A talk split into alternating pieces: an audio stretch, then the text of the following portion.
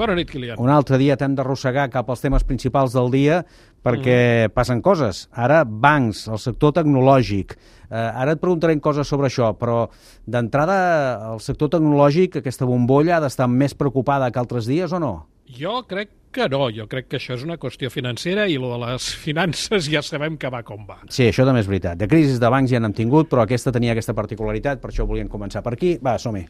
Eurecat, centre tecnològic de Catalunya. Innovant amb les empreses. Innovant amb tu. Perquè, clar, són tres bancs ja dedicats al sector tecnològic. Tres que cauen en una setmana. Per què ha anat tan ràpid això a caure, Albert? Uh, aviam, uh, aclarim. Tres, però uh, els altres dos, que són Signature i Silvergate, uh, estaven molt centrats en operacions de criptomoneda i ja sabem que aquest mercat travessa una època dolenta. Cert.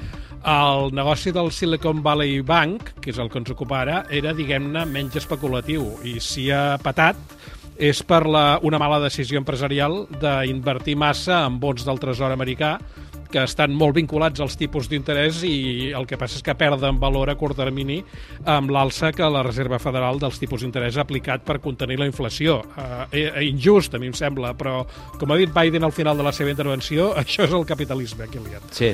Uh, respecte a la rapidesa de la retirada de fons aquesta que deies, jo crec que té a veure amb els temps que vivim, um, perquè no oblidem que jo, jo crec que és el primer pànic bancari de de l'era de, l'era de les xarxes socials i ja sabem com es propaguen totes les coses, les notícies, les bones, les dolentes i els rumors, no? Uh, una part important de les retirades uh, val a dir que les han fet empreses participades per taurons de la inversió com el Peter Thiel, ex-soci de l'Elon Musk, per cert, que no tenen gens de pietat amb aquestes coses. Sí, massa no en tenen. Com és de greu aquesta caiguda? Tan important és? Per què s'ha afanyat tant el govern Biden a garantir els dipòsits? Uh, uh, ho és amb aquest segment de mercat. Uh, el banc va néixer fa poc més de 40 anys i s'ha especialitzat al llarg d'aquest temps amb el tipus d'empresa tecnològica incipient, el que en diem startups, que abunda en aquella regió.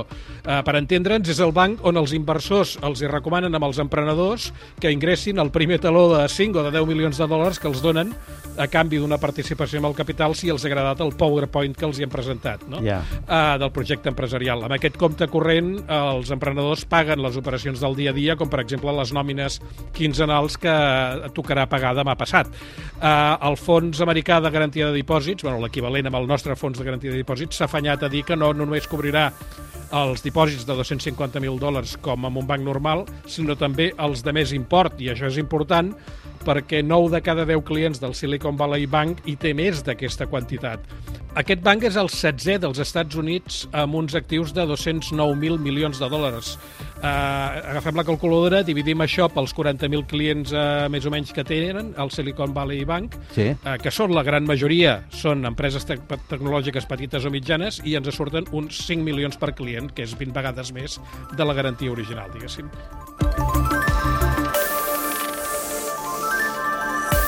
Escolta'm, hi ha alguna relació amb els acomiadaments de les grans tecnològiques d'ara fa tan poc, molt recentment? Forma part de la bombolla, per entendre'ns? Uh, en tot cas, pot tenir una relació, jo crec que molt indirecta. Per una banda, uh, els gegants com Amazon, Apple, Google, Meta, Microsoft, els de sempre, les Big Tech, no els afecta això, perquè ells operen en bancs tradicionals més grans i d'abast nacional. Digues uh, Goldman Sachs, Wells Fargo, el Bank of America, el Citibank o el JP Morgan. Sí. Uh, de fet, uh, no sé, per exemple, Apple, la seva targeta de crèdit uh, és una targeta de crèdit de Goldman Sachs, no? Uh, però, ja, respecte als acomiadaments, que jo ja saps que sempre dic que no són tan massius, perquè parlem de reduccions de plantilla, que són menys de la gent que van contractar el trimestre passat, Una cosa per l'altra, per tant, al final. Sí, jo crec que sí, que després recuperaran. Um, I són acomiadaments que responen a corregir els excessos que es van fer de contractació durant la pandèmia. Uh, però el que passa és que uh, els inversors uh, fan tancar, els fan tancar, els accionistes, eh, els fan tancar projectes que no tinguin una rendibilitat uh, a curt termini i en molts casos aquests projectes impliquen o implicaven comprar startups que potser ara no seran tan fàcils de vendre. Veient el que passa, certament. Bé, doncs ho anirem seguint, com sempre. Gràcies, Albert. Una abraçada. Bona nit, Kilian. Fins demà. Eurecat, centre tecnològic de Catalunya. Innovant amb les empreses. Innovant amb tu.